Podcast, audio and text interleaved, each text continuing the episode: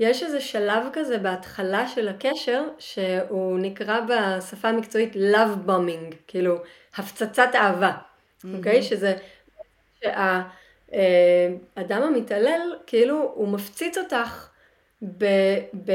במחמאות ובאהבה והבטחות, כאילו זה יכול להיראות כמו כזה הקשר מהסרטים הכי רומנטי. oh my god, oh אתם לא מבינות, היא מדברת ואני כולי כזה, כן, כן, כן. Yes, yes, we had the sex.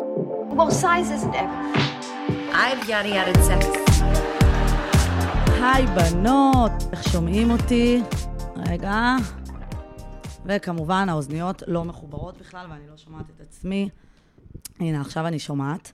אתם יודעות מה הדבר הכי קשה בפודקאסט? שנכון, רוב האנשים, או לפחות ככה זה נראה לי, לא אוהבים לשמוע את הקול שלהם. אז תחשבו שאני מקשיבה לעצמי, כאילו, כמה חשה את עצמי אני צריכה להיות. סתם. בדרך כלל אני כן שונאת מאוד את הקול שלי. אבל uh, אין מה לעשות, אני צריכה לערוך את הפרקים ואחר כך להקשיב להם גם אחרי שהם יוצאים. כאילו, כל פרק אני שומעת אותו עשר פעמים. תחשבו איזה מטורף זה למי ששונא את הקול שלו, לשמוע את עצמו מדבר כל כך הרבה. זה מטורף, זה מטורף. אז למי שלא יודעת ולא יודע, אני רעות, אני המנחה של הפודקאסט בנות, uh, ורציתי היום לדבר על אוקראינה. סתם, נראה לכם, זה לא אה, פודקאסט פוליטי. אה, אני כן רק אגיד שניסיתי כזה ללמוד קצת על מה שקורה שם. אתם יודעות, לא רוצה להרגיש עכשיו שאני יודעת יותר על קים קרדשיאנס, או יותר נכון, קרדשיאנס, יותר נכון על נורט קרדשיאן, אה, מאשר על התפתחויות הרבה יותר אה, חשובות, כן? לא מזלזלת בקרדשיאנס, כן? אבל בכל זאת. Uh, במיוחד, במיוחד שיש לי חברים וקולגות בעבודה, והם רוסים או אוקראינים. אז אתן יודעות, זה כאילו כמו שאני אשמח שחברים שלי בחו"ל ידעו דבר שניים על ישראל, אה, וזה בדיוק מה שאני יודעת על המצב שם כרגע, דבר שניים, גג. אבל נעבור לענייננו, ולפני שנתחיל אני רק אזכיר שאם אתן רוצות לתמוך בפודקאסט, אתן יכולות להיכנס לעמוד הפטריון, הלינק נמצא בערך בכל מקום, בתיאור של הפרקים, באינסטגרם, בפייסבוק, ודרך הפלטפורמה הזאת אתן יכולות לתת חסות לפודקאסט בעלות של כמה דולרים בחודש, ללא התחייבות. שזה ממש כמו להגיד, אה, אני קונה לרעות קפה פעם בחודש, כדי שהפודקאסט ימשיך להתקיים וישתפר בעונה השנייה. ובתמורה אתן מקבלות הטבות ממש ממש שוות. אחת מההטבות היא בעצם יכולת הצבעה לגבי אילו פרקים אני הולכת להקליט בפודקאסט, והטבה נוספת היא תוכן אקסקלוסיבי, לא מצונזר, שהולך לעלות אה, לפלטפורמה של הפטריון. אמ, אז פרק אקסקלוסיבי ראשון שעולה הוא פרק על Love is Blind, הסדרה בנטפליקס. הפרק יצא קורע, ניתחנו את כל הרגעים הכי קרינג'ים, את כל החתונות, את המפגשי משפחות, את המשולשי האהבה, וכמובן, בגלל שזה פרק שעולה לפטריון, אז I didn't hold back, גם אני וגם uh, עדן, שצפתה בכל העונות, פתחנו שם את כל החזיתות. זה פרק קורע. אז מי שרוצה, מוזמנת להיכנס ללינק בתיאור של הפרק, או באינסטגרם או בפייסבוק, שם אתן יכולות לראות איך אתן יכולות לתת חסות לפודקאסט בעלות של כמה דולרים, ולהקשיב לפרק, ולבחור את הנושא של הפרק הבא, ולקבל עוד מלא הטבות מה זה שוות. אמ, אבל זהו, אני לא אחפור לכם על זה יותר, למרות שאני לא מהאלה שכזה, אני לא מכניס פרסומות, אני לא sell-out. כן, אז אני sell-out, כאילו, בואו, אני עושה את זה באמת כדי לספק לכם את התכנים אה, הכי טובים שאפשר, ובאמת בסופו של יום גם להעסיק אה, אה, עוזר הפקה. ובאינטרו הזה רציתי שנתחבר לפרקים קודמים, כי דילגתי על כמה דברים שאמרתי שנדבר עליהם. אז זה היה פרק עם יובל גל, על ההפרשים בין העשורים, על דייטינג, על דימוי גוף, על סקס, וקראתי לפרק מה היית אומרת לגרסה הצעירה שלך. אז שאלתי באינסטגרם, איזה עצות אתן הייתן נותנות? ורציתי לשתף קצת מהתשובות למי שפספסה. אז אחת התשובות הייתה להשקיע בבורסה. וואלה, אחלה טיפ, אבל הנה, אני עכשיו אומרת את זה לעצמי, את הטיפ הזה, אוקיי? לא לגרסה הצעירה, ועדיין אני לא משקיעה בבורסה, אתן מבינות? למרות שאני חייבת להגיד לכם שהשבוע בעבודה קניתי איתריום, לא איתריום, סליחה, קניתי איתר, כי איתריום זה הפלטפורמה שעליה זה יושב. בקיצור, קניתי בעצם אה, מטבע קריפטו, אז הנה, אולי אני כן מתחילה ליישם את, ה, את הטיפ הזה. אז אה, כן, אז זה באמת אה, טיפ מעולה. מי שכתבה, לטייל מלא מלא לפני הלימודים, אני אומרת, אחותי, לטייל נקודה. אין פה משהו, אנשים אומרים שאני עושה את זה כבריחה, בלה בלה בלה. נשמה, אני נהנית, אני מאושרת, אני מחייכת, בין לבין הבכי, אני מחייכת, נכון? אז כן, לטייל מבחינתי זה הדבר שהכי מעשיר. מי, מי לא אוהב לטייל? מי? אתם, יכול להיות שתגידו לי, אנחנו לא אוהבות את הארגון לפני הטיול, את התכנון. זה הגיוני לגמרי. אבל לבוא ולהיות בפריימרק במדריד, אל תגידי לי שאת לא אוהבת, אוקיי? או לצאת מהבית מיוסי בעלך והילדים, וללכת לאיטליה, ושם את פוגשת איזה פאולו, מוכר גלידה כולה, כן? והוא בא ומחמיא לך, וצ'או בלה, ומתחיל איתך, ואומר לך, בואי, סעי איתי על הסקוטר שלי, בלה, בלה. זה את לא אוהבת? טוב, נגיד, שיהיה. עוד עצה שהייתה זה, אל תנסי לרצות אף אחד, הם אף פעם לא מרוצים. ועוד מישהי כתבה, הכל תודע, תודעתי, תחי את הרגע, את לא מעניינת אף אחד חוץ מעצמך. שאני חייבת להגיד שאלה עצות שאני מאוד מתחברת אליהן, וזה כאילו גישה שאני מתה עליה. כאילו, סתמי את הפה, לאף אחד לא אכפת ממך, וגם לכאלה שאכפת ממך, דוגרי, לא משנה מה תעשי, הם אף פעם לא יהיו 100% מרוצים. אוקיי, לא משנה מה אני אעשה בחיים שלי, איזה הישגים אני אגיע עם ההורים שלי, הם לא היו מרוצים. כמובן, למעט דבר אחד, אם אני אביא להם בעל וילדים, אבל אני אומרת, בכללי, בכללי, השליליות שבעצות האלה קוסמת לי, אני לא אשקר. בכללי, כל הטיפים האלה שכזה מקרקעים אותנו, גורמים לנו להבין שאנחנו לא העיקר, אני מתה על זה. אה, אחד המאזינים הגברים כתב, ליהנות מהחיים, שאני אומרת easier said than done, ואז עוד מאזין כתב, החיים גדולים, תתחיל לחייך כמה שיותר מוקדם. איזה חמודים אתם, המאזינים של הפודקאסט, אין, הם נשמות. אבל זה כזו עצה של בנים. כאילו, אני רואה אותו הולך... לא, לאותו אייל שבטירונות עכשיו 0-2, קורע את התחת, מזיע, והוא אומר לו, אייל, תחייך, החיים גדולים. זה כזה כאילו מאוד דבר כללי, ולא באמת דבר שהוא בר יישום, כן? אבל בהחלט אני מודה לכם על העצות, ואני אומרת, אני תמיד בעד לחייך כמה שיותר, אפילו אם זה בכוח, כי זה עובד. אה, ונעבור לעצה האחרונה, הכי קורעת, הייתה מישהי שכתבה, שהיא הייתה אומרת לגרסה הצעירה שלה, אל תצאי עם שרון. שזה כל כך נכון, זה כל כך נכון. ואם הייתי מתייפייפת כזאת, עינב כזאת, כן? שמי שלא זוכר את עינב, זה המקבילה הישראלית לקרן. נכון? יש את קרן האמריקאי, שהיא כזאת Debbie Downer כזה, שאתם באות כזה לראש השנה, והיא אומרת לך, oh my god, כאילו, לאחותך יש ילדים, ואת אפילו עדיין לא כזה לקראת חתונה. אז זה בארצות הברית זה קרן, Don't be a Karen. אז אצלנו אמרתי, אני אתרגם את זה לעינב, הרי כבר יש שיר עליה, סורי לכל המאזינות שנקראות עינב. אז כן, אם הייתי עינב או קרן, אז הייתי אומרת, לא, נשמה, תחי בלי חרטות. אבל די, סתמי. תודי שיש דברים, והרבה גברים, שהייתי יכולה לשרוד יפה מאוד, בלי לדבר איתם, בלי לצאת איתם, בלי להתנשק איתם, בלי לשכב איתם. בוא נגיד ככה, יש כמה מציצות שאת יכולה למחוק מההיסטוריה שלך. ואתן רואות, אם זה פרק שרק היה עולה אקסקלוסיבי לפטריון, אז הייתי פה מפרטת. בקיצור, זה אחלה עצות. והיה עוד עניין שהעליתי שהייתי חייבת לתת לכם את המקבילה. אז באחד הפרקים דיברתי איתכם על פרופילים של בנים, שנתקלתי בהם באינסטגרם, בעיקר כשהייתי בצפון, בגולן, ודיברתי ספציפית על כל הקטע הזה שבנים כותבים, אם אתה א', ב' וג', אל תקרבי אליי. וממש תהיתי, האם זה גם אצל נשים ככה יש כאלה פרופילים? אז כמה מאזינות שלחו לי פרופילים מקבילים, שלהן, או, של חבר, או שחברים שלחו להם, כן, של בנות, ואל תבינו אותי לא נכון, אני בטוחה שיש עוד מלא בנות עם פרופילים הזויים, אבל בואו נודה, זה כלום. לעומת הכמות בנים הזויים שיש, שזה בערך 1 ל-5, יש כאלה שיגידו 1 ל-2, וגם הרמה שלהם, של היצוריות, היא גבוהה יותר. אגב, אני משתמשת במילה יצור, ורק כרגע אני מבינה שזה סלנג מאוד ירושלמי, כן? אמ, גיליתי בצבא שזה מאוד ירושלמי. אמ, טוב, אז ככה, אחת המאזינות כותבת בפרופיל שלה, והיא שלחה לי את זה, כן? תפסיקו להסתמך על הכלב שלכם שימצא בחורות, ותפתחו אופי. כאילו, היא כל כך צודקת, זה הרג אותי, זה כל כך נכון. ועוד מה הכי גרוע? שהם לפעמים לוקחים כלב של מישהו אחר, כן? אבל בואו נפרק את זה שנייה. הקטע עם הכלב עובד לא רק כי זה חמוד. בואו נסתכל על זה לעומק, אוקיי? שאני יודעת שאני מאוד משתדלת לשמור על דברים בצורה מאוד שטחית, זה אחת המטרות שלי בחיים. אבל בואו, בואו שנייה נעמיק פה, כן? ואל תשכחו שאצלי להעמיק זה, זה מילה נרדפת ללחפור, אז בעצם אני כן אה, מאוד מאוד עמוקה. בקיצור, אם נסתכל פה לעומק, כשאני רואה בחור עם תמונה עם כלב, מה אני רואה? אני רואה מישהו שמסוגל להתחייב למשהו שחי יותר זמן מהציץ. אני רואה מישהו ששם יצור אחר ואת הצרכים שלו, ליטרלי, אה, לפני הצרכים של עצמו.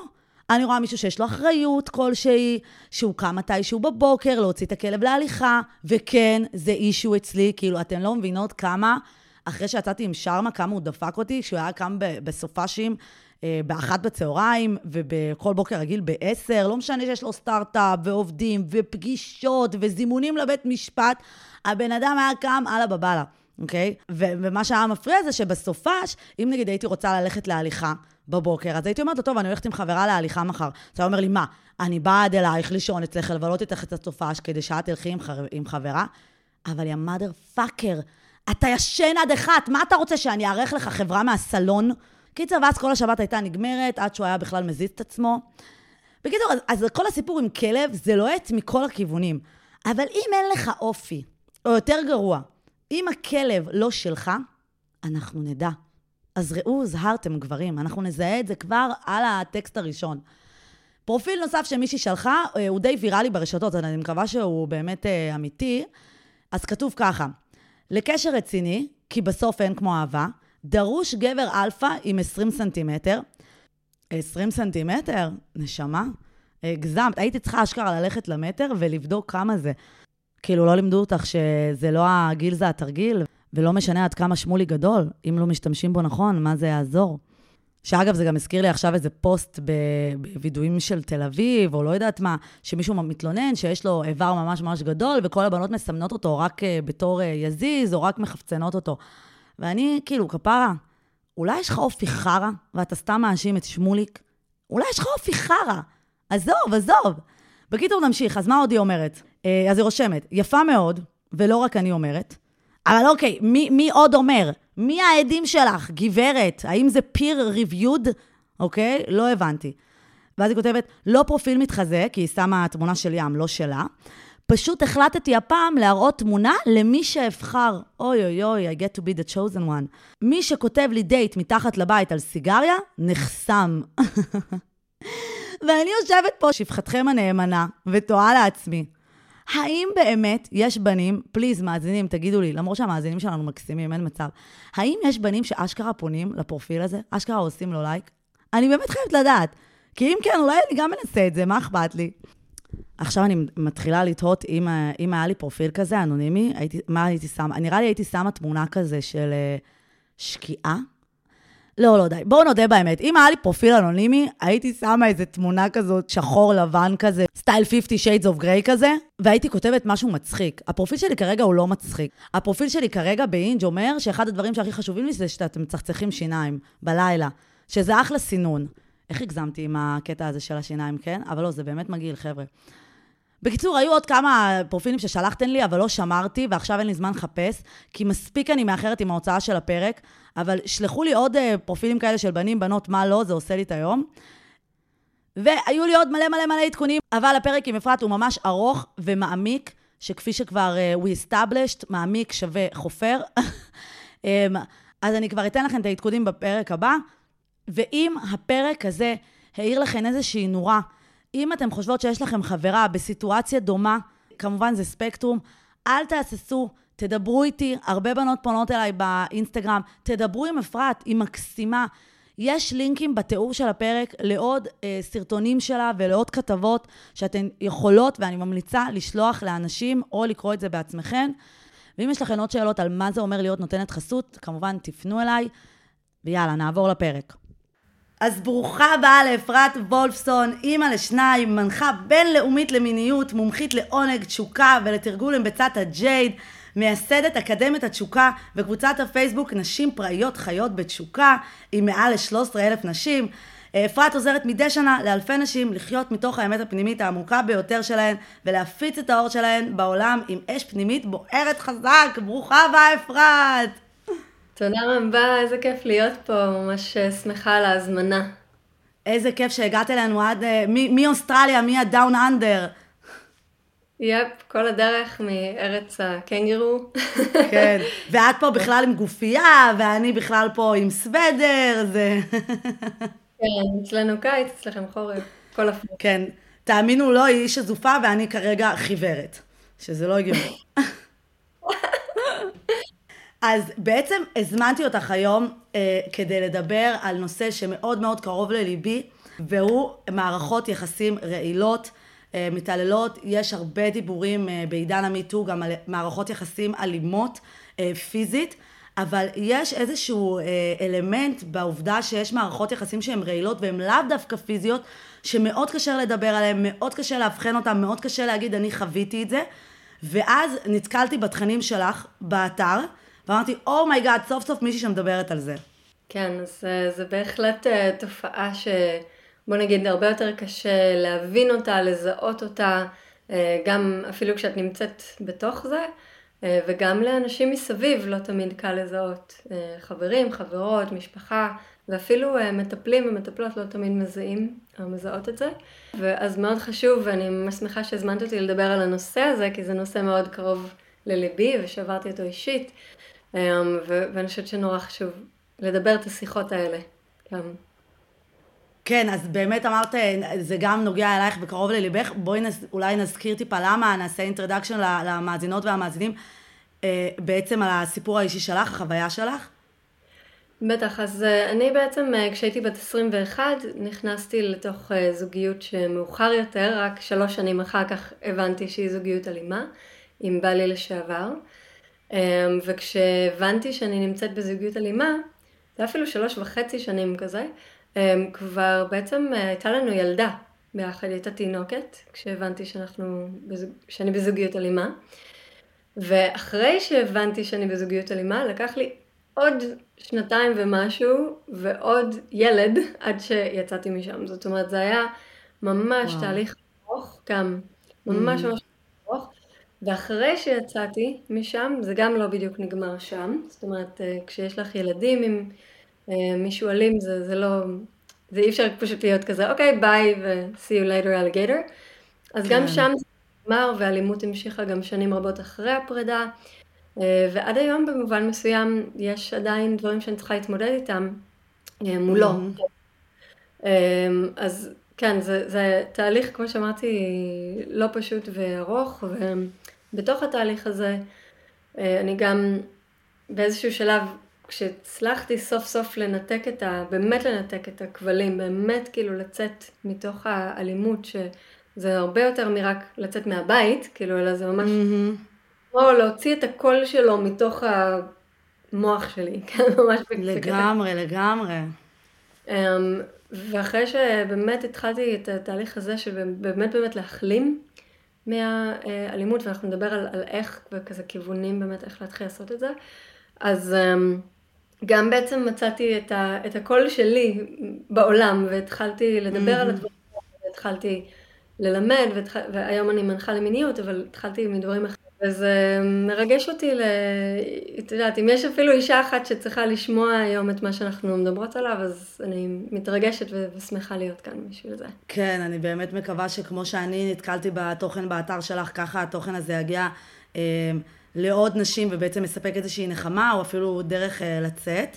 וכן, בואי אה, נגיד, אם את כבר שיתפת מהסיפור האישי שלך, אני גם אשתף למי שלא הקשיבה לפרק הפרידות הגדול, או בעצם בכל תלונה שלי באינטרו, בה אני מדברת על האקס האחרון שלי, שכינינו אותו שרמה, אה, בגלל אהבתו המאוד אימפולסיבית לרובין שרמה. אז גם אני הבנתי שהייתי באיזה סוג של מערכת יחסים עם אדם מאוד נרקיסיסטי, נרחיב על זה תוך כדי הפרק, אבל היו לי רד uh, פלאגס, והייתי באה, באתי לחברה הכי טובה שלי בירושלים, במבשרת, אפילו אני זוכרת ששאלתי אותה, תגידי לי את האמת, הוא כמו דיוויד, כי היה לי עוד איזה אקס מיתולוגי אמריקאי שגם היה קצת צרות, ואמרתי תגידי לי את האמת, האם אני עיוורת מאהבה? זאת אומרת, היה לי כן איזה מודעות שמתי שאת מאוהבת, את יכולה להיות עיוורת? ואמרתי לה, תגידי לי אם הוא משוגע. ככה, ממש ככה, שאלתי אותה. והיא אמרה לי, תראי, ממה שיכולתי לראות בפגישה של שעה וחצי, שעתיים, הוא לא. את מבינה?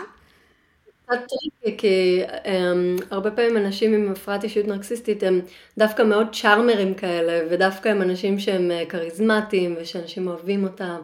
Um, וזה יכול להיות... בהחלט uh, זה ממש לא מובן מאליו ש, שמישהי uh, או מישהו שפוגשים בן אדם כזה ישר יראו עליהם כאילו uh, יודעת, וזה מאוד נוגד את ה... בוא נגיד אולי מיתוס שיש נכון. לנו מסרטים, זה הגבר האלים, השיכור, שחוזר הביתה ומטיח את הראש שלך בקיר. לא, זה, זה לא נראה ככה, כאילו בהכרח.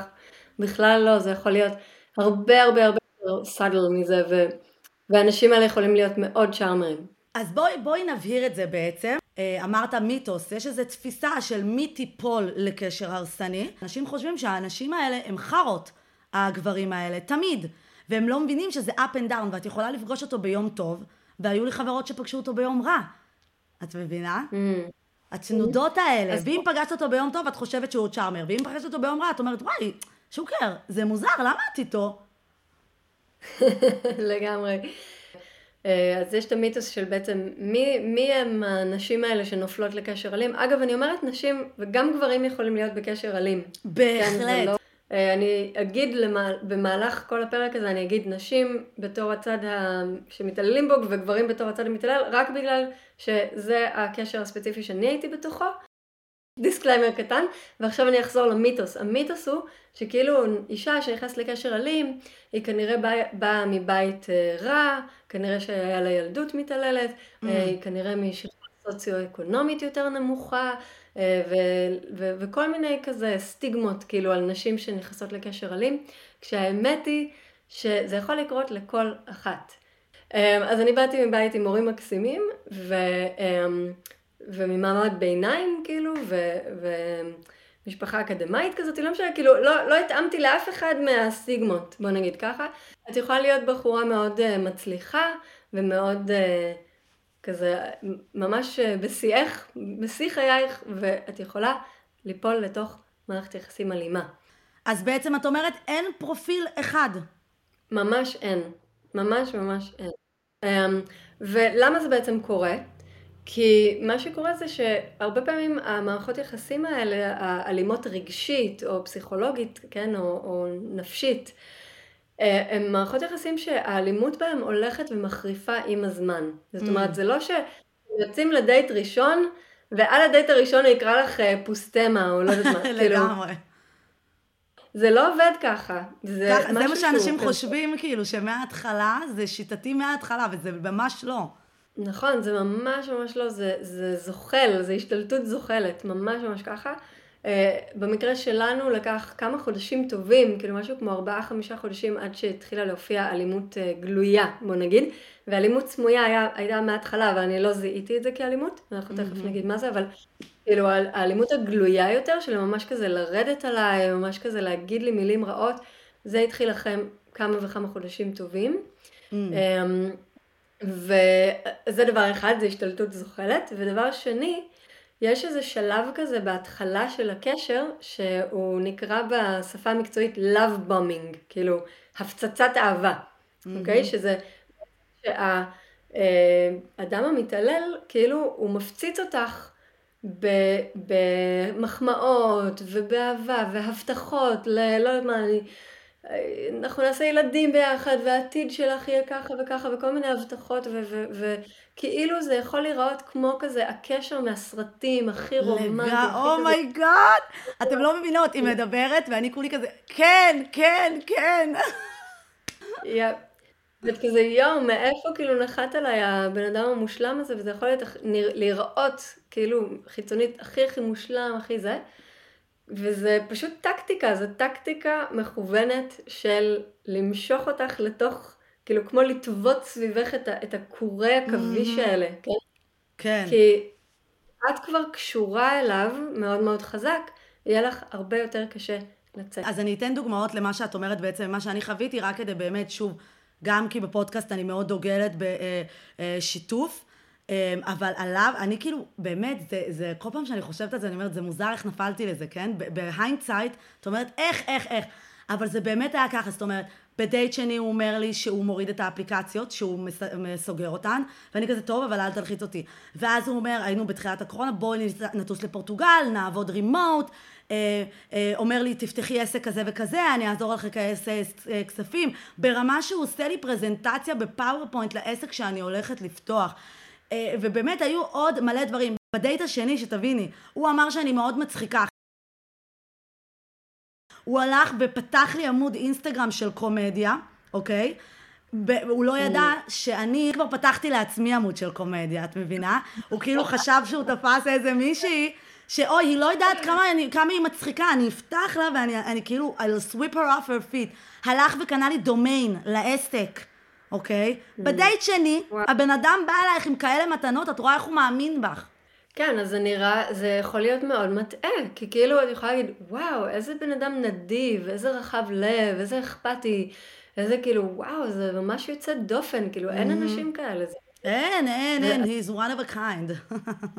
כן, אז כאילו, זה יכול להיות נורא מטעה, גם בזוגיות שלי, אה, זה היה ממש ממש ככה, זה, הוא ממש פתח בפניי את הבית שלו, הכל כאילו היה כזה, כן, משהו שלי שלך, טה טה טה, כאילו, מין נדיבות כזו, אה, הוא גם היה מבוגר ממני ב-17 שנה, אז היה שזה, שם שזה קלאסי אפשר להגיד? אפשר להגיד שזה טיפוסי?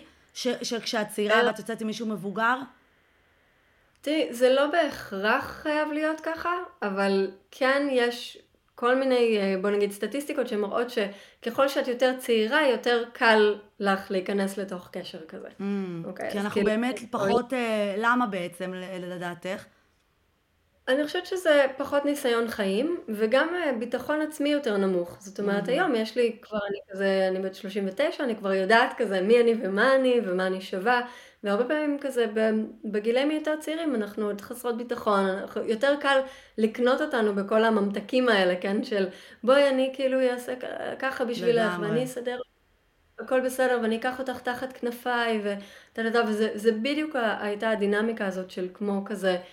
אמ, אני, אני אפרוס עליי את חס, עלייך את חסותי, ו, וכאילו אני אטפל בך ואני אדאג לך. Mm-hmm. ומה שהרבה פעמים קורה גם זה שאנשים עם uh, טיפוסי אישיות מהסוג הזה, בוא נגיד, uh, הם גם יודעים ממש להרגיש מה החולשות שלך. כאילו בדיוק איפה אפשר לתקוע בך את, ה, את ההוק הזה, כן? את הכרס הזה של כאילו, um, מה, מה את הכי מתאווה אליו. אז נגיד, mm-hmm. אם יש לך איזשהו ביטחון באיך שאת נראית, סתם לדוגמה. הם יקלטו את זה, והם כל היום כאילו, איזה סקסית את, איזה מדהימה, את האישה הכי יפה שאי פעם ראיתי, הכי מושכת שאי פעם ראיתי. כן, שאת חושבת, ל... מה רע? הוא כאילו, הוא חולה לי על התחת, הוא כאילו, תראו מה הוא עושה בשבילי. אין לך שום סיכוי בכלל להבין את זה. נכון, אז זה יכול להיות נורא נורא מבלבל. עכשיו, זה לא mm. שאני רוצה להגיד פה, אה, אם מישהי פה נמצאת בקשר, שבתחילת קשר ומישהו כזה עף עליה וזה, זה לא, לא בהכרח כאילו, זה לא עומד לבד, כן, זה לא עומד כן, לבד כן. בתור סימן. יש שם עוד דברים. נכון. אז בהקשר הזה, איך אני יודעת שאני במערכת יחסים הרסנית, רעילה, אוקיי? או שזה פשוט, את יודעת, מה בעצם הסימנים? אוקיי. אז יש מלא מלא סימנים, אני לא חושבת שיש לנו את הזמן בתוך הפודקאסט ממש כזה להיכנס לכל סימן וסימן לעומק, אבל אני אציין כמה שהם בולטים. אמ, אחד הדברים, סימנים זה מין אה, שינויי מצבי רוח מאוד קיצוניים. נגיד שהוא יכול להיות מצד אחד הכי כזה, וואו, זה בואי אני אבנה לך אתר, כמו מה שאמרת מקודם, mm-hmm. וברגע אחד הוא כזה להסתגר ולהיות לגמרי כזה מכונס בתוך עצמו, לא לרצות לדבר איתך, אה, לתת לך כזה את ה-silent treatment כאילו של אה, וואו. כזה, לא, לא מדבר איתך. כן, אני, אני בדיכאון, או אני כועס, או אפילו לא להגיד לך על מה הוא כועס, כאילו פתאום, וזה יכול להיות ממש פתאומי, כאילו פתאום המצב רוח שלו משתנה. פתאום... כן, פתאום נכבה ו... לו העיניים כזה, פתאום אני רואה מישהו אחר, אני אפילו אמרתי לו, אני מזל תאומים, אבל בך יש שני אנשים. Mm, זה ממש יכול להרגיש ככה, כאילו הרבה דברים שאני שומעת לפעמים שאני מדברת עם נשים, כי אני שכחתי להגיד מקודם, אבל אני עוזרת להרבה נשים לפעמים לצאת ממצבים כאלה, לא בכוונה, כאילו, זה לא שיש לי, אני לא מטפלת, אין לי איזה קליניקה או משהו שאני אה, עושה את זה באופן מוכוון, אבל בתוך הקורסים שאני עושה מדי פעם סשנים עם נשים, mm-hmm. אני ישר יכולה לקלוט שמישהי בקשר כזה. ואחד הדברים הכי נפוצים שאני שומעת מאישה שנמצאת בקשר כזה, זה כזה, כן, כאילו, אבל, אבל כשהוא טוב, כשהוא בטוב שלו, אז כל כך טוב לנו. Mm-hmm. זה ממש רכבת הרים רגשית כזאת. ממש. ממש כמו איזה דוקטור אה, ג'קל ומיסטר הייד כזה, mm. שאת מרגישה שיש עוד אישיות, וה, והאישיות היותר, אה, בוא נגיד, אה, אפלה, היא mm. יכולה להיות ממש ממש רעה אלייך, ממש נסטי אלייך. אצלי היה הכי ברור ה-ups and downs האלה, שהיינו בטיפול, שבו בעצם הוא נפרד ממני. לפני כן הוא הכריח אותי להגיע לטיפול. בטיפול הוא רק לכלך עליי, ואמר כמה אני טועה. ברגע שיצאנו מהטיפול, אני רצתי לרמי לוי לפני שהוא ייסגר בעשר בלילה, רצתי לרמי לוי והוא עצר אותי דמעות בעיניים. עכשיו, כל הטיפול הוא יורד עליי. ברמה שבאתי לשים לו יד על הכתף, והוא ממש נרתע והזיז את הכתף שלו. ממש, כאילו אני אלימה כלפיו. ואז יצאנו מהקליניקה, והוא מתחיל לבכות, והוא מתקשר אליי ואומר לי, סטופ! ואז הוא אומר לי, תקשיבי, אני לא רציתי שזה יקרה, ופתאום תביני, חמש דקות, מה זה up and down? זה לא יממה, זה לא חודש, זה רגעים, זה חמש דקות עברו, הוא מתחיל לבכות בלי, ואז אני התחלתי לבכות, של אימא'לה, ואני מתחילה לרעוד. מה אתה עושה? אתה הרגע צעקת עליי, אתה הרגע לא רצית אותי, ועכשיו אתה בא ומבקש סליחה, ולא עברו כמה דקות. אמרתי לו, אתה חולה נפש, אתה חולה נפש. הסתכלתי לו בעיניים, וממש רעדתי ובכיתי. וזו באמת הייתה הפעם שבאמת הבנתי כמה קיצוני ה-ups and down. Mm. כן, אז זה באמת אה, דוגמה לנושא הזה של העליות והירידות וכמה שזה יכול להיות מבלבל באמת. עוד סימן יכול להיות אה, ביקורת אינסופית. כאילו יש לו מה להגיד על כל דבר שאת עושה. מה שאת לובשת, איך שאת אה, נוהגת. אני זוכרת שלנהוג באוטו, שבעלי לשעבר יושב לידי, זה היה אחד הדברים הכי מלחיצים אוי. בחיי.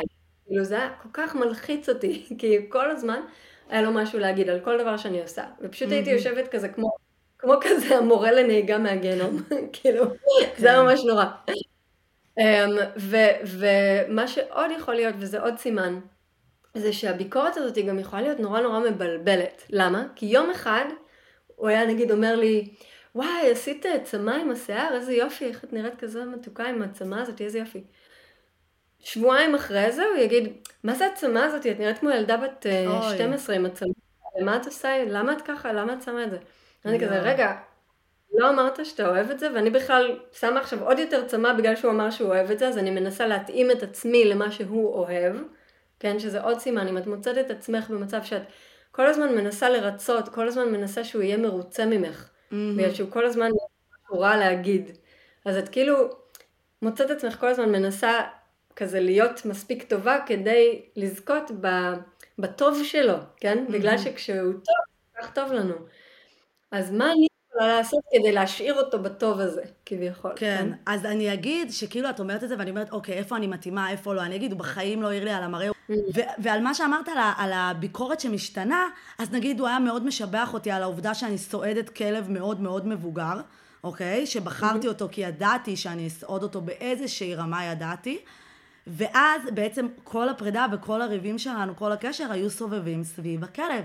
ואז זה הגיע לרמה שהוא אמר לי, בגלל זה את רווקה, בגלל הכלב, ואז הוא בעצם אמר שהוא יודע איפה, איפה לדקור, הוא ידע מתי כן. להחמיא, וזו הייתה הנקודה הכי הכי הכי קשה, כי זה משהו שאני שומעת מההורים שלי, זה משהו שאני שומעת מידידים שלי, שבגלל שיש לי כלב אין לי זוגיות, והוא באמת, שהוא רצה להכאיב, כמו ילד קטן, הוא אמר לי את זה, ואז באותו רגע העפתי אותו מהבית, ואז כמובן חזרנו אחרי. כן. אז זה מעניין, אז, אז יש שם כמה דברים במה שאמרת, כאילו, זה המקום הזה, מה שאמרנו מקודם, שכאילו הטיפוסים האלה יודעים למצוא את החולשות שלך, ואז כאילו, כמו למשוך אותך פנימה דרך החולשות שלך, אותן חולשות הם אחר כך גם ירמסו לך את האם אימא כשאת כבר mm, בפנים. כן. חולשות, ינצלו אותם, את החולשות האלה, כדי להכאיב לך, ולרמוס אותך, להפיל אותך, אה, לבקר אותך, לשפוט אותך, ואז דקה אחרי זה להגיד לך כמה שאת הכי אה, חכמה בעולם. זה גם היה משהו שהיה מאוד נפוץ בקשר שלנו, נגיד הוא היה אה, יורד עליי שאני לא מבינה כלום, ואני כמו ילדה קטנה ופה ושם, דקה אחרי זה כאילו, וואי, את כזאת אינטליגנטית, את כזאת חכמה, את צריכה ללכת לעשות דוקטורט, לא יודעת, כאילו זה היה נורא מבלבל. כן. והבלבול הזה, הבלבול הזה הוא מצב שהוא מסוכן בתוך זוגיות. אם את נמצאת עכשיו בתוך זוגיות ואת מרגישה מבולבלת, את כאילו, oh my god, אני לא יודעת, כאילו מצד אחד, כאילו, וואו, כשהוא, כשהוא בטוב, אז כל כך טוב לנו, אבל מצד שני, כאילו, משהו כזה, איך, כאילו, משהו מגעיל, ואיך שהוא מתייחס אליי, ואיך שהוא מדבר אליי, משהו שם לא מרגיש לגמרי מתיישב, הבלבול הזה יכול להיות גם סימן. אמ, ואני רוצה להכניס פה מושג שהרבה משתמשים בו בימינו בשביל משהו אחר לגמרי, וזה, mm-hmm. אני רוצה להבהיר את זה, וזה המילה גס לייטינג. אוקיי? אוי, אני מילה... מתה על המושג הזה מאז שלמדתי אותו, אני כל חברה שאומרת לי, את יודעת, זה גס לייטינג. אז זהו, אז יש שימוש יתר מטורף במילה הזאת נכון. בימינו, ולכן חשוב להבהיר מה זה gaslighting? gaslighting זה לא כשמישהו אומר משהו שלא מוצא חן בעיניי, זה לא גסלייטינג, אוקיי? כאילו, כן. אני רואה עכשיו באינטרנט כל פעם שמישהו שם איזה תגובה ומישהו לא אוהב את זה, אה, אתה עושה לי גסט ליידינג. לא, כאילו, פשוט לא מסכים איתו. הכל בסדר. אוקיי. אמ, אז גסט ליידינג זה בעצם כשיש פה איזשהו משהו שהוא מכוון כדי לערער את תפיסת המציאות שלך. אז למשל, אני אתן דוגמה, זה יכול להיות משהו כמו, אמ, נגיד, בן הזוג שלי לשעבר היה אומר לי משהו, והייתי כועסת על הדבר הזה שהוא אמר לי, ואז הייתי באה ואומרת לו זה, הוא כזה, מה פתאום, אני לא אמרתי את זה. הוא כזה, רגע, לא, לא, אתה אמרת את זה, זה היה כולה לפני חצי שעה, כאילו, או כולה אתמול, או כולה... ואתה אמרת את זה, מה פתאום, אני לא אמרתי את זה. כן. אני אמרתי ככה, כאילו, וממש, אבל מלא, כאילו, או, אבל אני לא עשיתי את זה, זה בכלל, את עשית כך וכך, כאילו, ממש לנסות להפריך את המציאות שלך. עוד דוגמה לזה, זה יכול להיות כשמישהו אמ, מאשים אותך במה שהוא ראה שהוא עשה. אז למשל, mm. אני אתן דוגמה מהעולם של המיניות, כי זה העולם שאני כזה שוחה בו. נגיד, אנחנו מתות על העולם. הזה, אז uh, בכבוד. אז נגיד אם את נמצאת עם מישהו ש... והוא צופה בפורנו הרבה, וזה מפריע mm. לך מאיזושהי סיבה, זה לא בא לך בטוב, ואת באה ואומרת לו, תשמע, כאילו זה מפריע לי שאתה צופה בפורנו, בוא נדבר על זה, ואז הוא יבוא ויגיד לך, אמ, הסיבה היחידה שאני צופה בזה זה בגלל שאת לא שוכבת איתי, אוקיי? כן, זה גס כן, lighting. כן. זה... רגע, מה הקשר? כאילו, שנייה. כן, כן. בוא נדבר על הדבר. אבל כאילו, על להפנות את זה כאילו אלייך, ושאת, לגרום לך לערער, ואז אישה כזו יכולה להגיד, רגע, זה באמת נכון, אני באמת לא שוכבת איתו, כאילו... ואז לא לחזור לא ל- לריצוי, ו... כן, אז אולי זה באמת בגללי, אז אולי זה באמת, וכל פעם במצב כזה של, רגע, אולי אני באמת גרמתי לזה? כאילו, ואם לא הייתי עושה ככה וככה, אז הוא לא היה מתפרץ עליי? כן. אה, ואני אגיד שאני בקשר אחר אה, עם אמריקאי אחר, איתו זה הגיע למצב שהוא היה אומר לי שהוא לא היה עושה דברים, שאני הקלטתי אותו. אני הקלטתי אותו כי אמרתי לו, אתה לא תגרום לי להרגיש משוגעת. אם את מגיעה למצב שאת צריכה להקליט את הבן זוג שלך, סימן. Yeah. זה ממש סימן, אם הוא מכחיש דברים שבאמת קרו ואת יודעת שהם קרו, אם הוא משקר לך, אם יש מניפולציות, אם יש... אה, זה, זה ממש ממש סימן. אה, עוד דבר זה שגס ליידינג אה, אצלי היה בקשר, זה נגיד, הוא היה יכול להחביא לי כזה את המפתחות של האוטו. די. או משהו, ואז כאילו, בלי לחשוב שאני משוגעת, יואו. כי אני לא מוצאת... כל הזמן מאבדת דברים, איך את זה, וזה וזה, ובכלל הוא שם את זה איפשהו. אז, אז תגיד כאילו, שזה או ספקטרום, זה או להגיד זה לא קרה, או, או שאת אומרת, זה ספקטרום, נגיד יש דברים קטנים שהוא יגיד לך לא אמרתי את זה, או שהוא יגיד לך את, על דברים שאת עשית, לא זה לא קרה, או שיש את הקצון שהוא באמת ילך, will go out of his way, ואני אתן עוד דוגמאות, נגיד גם, אני גם שמעתי על חברות שהחביאו להם דברים ואמרו שלא, ואז הם עשו איזה טריק כדי להראות שזה באמת הוא אשם. כן, או, אה, או את יודעת, לעקוב אחרייך, להיכנס לך למיילים, דברים כאלה שזה, עכשיו עוד סימן, דיברנו על סימנים, אם הוא מקנא לך בצורה מוגזמת, אוקיי? יש, אני, אני מאמינה שכאילו מידה מסוימת של קנאה זה מאוד טבעי בתוך כן. קשר, אני היום בזוגיות אה, מאוד בריאה כבר שש וחצי שנים, ולפעמים יכולה לעלות קנאה, וזה, וזה ממש לגיטימי, ו, ויש מידה בריאה של קנאה. שאפילו אם אין אותה זה קצת מוזר, כן? כן, כן, לי היו אמ, קשרים שלא היה אותה, כאילו הייתי רוקדת עם בחור אחר, ריקודים לטינים, והבן זוג שלי, שהוא היה ידיד שלי לשעבר, בכלל לא היה מזיז לו איפה הם נוגעים בי, אז אני אומרת, אני מבינה גם את הצד השני. כן, בדיוק, כאילו אם הבן זוג שלך כזה, אה, ניוז, whatever. כן, אז זה יכול להיות מבאס. יש איזה, את יודעת, המידה הבריאה של קנאה, אבל יש קנאה שהיא מוגזמת. כש... אה, אה, את יוצאת עם חברים והוא כזה, את חוזרת והוא כזה מתעצבן עלייך, של כזה, איך, למה את נמצאת עם החברים, עם מי היית, עם מי דיברת, מה mm. עשית במסיבה הזאת, כאילו איזה תחקור כזה. אמ, כן, האמת שאני גם שמעתי, הייתה לי חברה שגם כשהיא הייתה צעירה, היום אין מצב שהיא תסכים לזה, הוא היה אפילו אומר לה, אם היא יוצאת לבר עם גברים, מותר לה לשתות רק בירה אחת, שתביני איזה רמה, mm. והיא הייתה עושה את זה, והם היו איזה ארבע שנים ביחד. אמ, ולמזלי היא כבר אה, ממש לא ככה, לא תיתן לאף אחד להגיד לה מה לעשות. ויש לי חברה נגיד גם עם אמריקאים, אה, כשמתי שהיא הייתה איתו, וזה גם היה המקרה שלי, אה, וישראלים היו מדברים איתם, מתי שגרתי בחו"ל והייתי מדברת עם ישראלים, הוא היה נורא נורא חשדן, אתם מדברים בעברית עליי, חברה שלי גם, הוא מאוד היה מקנא שהיא הייתה מדברת עם ישראלים, גם אם הוא מבין את השפה. אה, שהיא מסתחבקת איתם. אה, אפילו פעם אחת נגעתי לשכן בשיער, אמרתי לו, אה, דייב, הסתפרת. הוא הלך ועשתה לי סצנת קנאה שאני רוצה אותו, והייתי צריכה להגיד לו, מה, אני בכלל לא אוהבת בנים מהסגנון הזה. כאילו, באמת, סצנות קנאה הכי לא מובנות. אז במקרה הזה דווקא עם בעליל שבר לא היה את הנושא הזה של קנאה מוגזמת, mm-hmm. זה לא, אבל כן היה את המקום הזה ש, שבעצם דיברת עליו קצת עכשיו, של שליטה, ניסיון לשלוט בך, וזה עוד סימן ממש ממש חזק, שאני רוצה שכל מי שפה מקשיבה ממש תיקחי את זה. האם את נמצאת בקשר שבו הבן זוג שלך מנסה לשלוט בך באיזשהו אופן?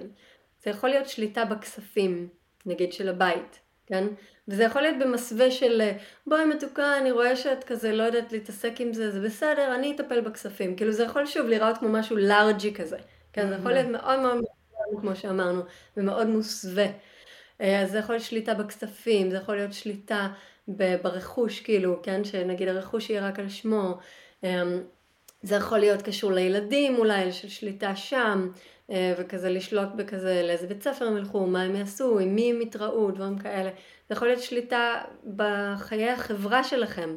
כאילו הוא יחליט לאן אתם הולכים ומתי וכמה וכולי, אה, וכאילו אין לך say שמה, כן? Mm-hmm. או שהוא רץ עלייך לצאת לכל מיני אירועים חברתיים שאת לא באמת רוצה, וכאילו לא, כאילו לא מתייחס לצרכים שלך. הצרכים כן. שלך הם לא חשובים. ובאופן כללי, הרגשה שאין הרבה אמפתיה למה שאת צריכה. בוא נגיד ככה, אנשים בריאים, mm-hmm. באופן כללי, הם יכולים, גם אם הם כועסים או יש איזשהו כעס, אחר כך לפחות, נגיד שהיה לנו איזשהו ריב, אחר כך כשחוזרים הם יכולים לתת איזושהי הכרה לרגש. אוקיי. וואו, אני מצטער שפגעתי שלך, אה. או שהיית עצובה, או כן, כאילו לתת שם איזושהי הכרה ברגש. ואנשים מהסוג הזה, כאילו, אין להם, ממש אין להם את היכולת לאמפתיה. זה מאוד מאוד נדיר. ואם הם כן ייתנו איזושהי אמפתיה של כזה, וואו, אני יכול להבין, לה, כאילו שהכאבתי לך ואני מצטער, בדרך כלל זה יהיה מלווה ב... אבל את יודעת שלא הייתי עושה את זה אם את לא היית ככה כן. וככה, כן? כאילו, גם אם הם כבר מתנצלים, זה איכשהו בהפוכה יוחזר אלייך. הבנתי. זה גם מאוד מאוד חשוב. כן. Um, איזה עוד סימנים גם... אז יש לנו שהם אה, באמת בולטים שצריך לדבר עליהם? אה, הנושא של התפרצויות זעם, נגיד אם את מרגישה שאת הולכת על ביצים ליד הבן זוג שלך, שאת כזה מפחדת לעורר את זעמו בגלל שזה מגיע פתאום, כן? שכאילו הכל יכול להיות בסדר, הכל סבבה, אתם מדברים על זה משהו ופתאום את תגידי כזה את המילה הלא נכונה או תעשי את הדבר הלא נכון ואני עושה לא, לא נכונה במרכאות, אתם לא תראו אותי בפודקאסט אבל זה לא נכונה במרכאות. אמ, פתאום כאילו התעורר הזעם שלו. יכול להיות שהוא יצעק עלייך, יכול להיות שהוא יגיד מילים קשות, יכול להיות שהוא uh, יזרוק חפצים בחדר, כן? זאת אומרת, הזעם יכול להתבטא בכל מיני דרכים. המצב הזה, מה שזה גורם למי שחיה בתוך uh, אלימות מהסוג הזה, זה שאת הופכת להיות יותר ויותר ויותר מצומצמת. כן. כי את כאילו מפחדת לעורר את הזעם הזה, אז אוקיי, אני לא חייבת להגיד לו על החברה הזו שנפגשתי איתה היום, כי אולי זה יכעיס אותו, אז לא, אני אשמור את זה לעצמי. אה, אוקיי, אה, אני לא חייבת אה, לדבר איתו על אה, כך וכך, כי אני יודעת שקשה לו עם הנושא הזה, כן? אז לאט לאט מצמצמת את כן. המעגלים החברתיים שלי, מצמצמת את הנושאים לשיחה שהם אפשריים איתו, כן? ו- וכאילו, אנחנו הופכות למין צל של עצמנו. אני, כאילו, כן. בסוף המערכת הזאת, אחרי...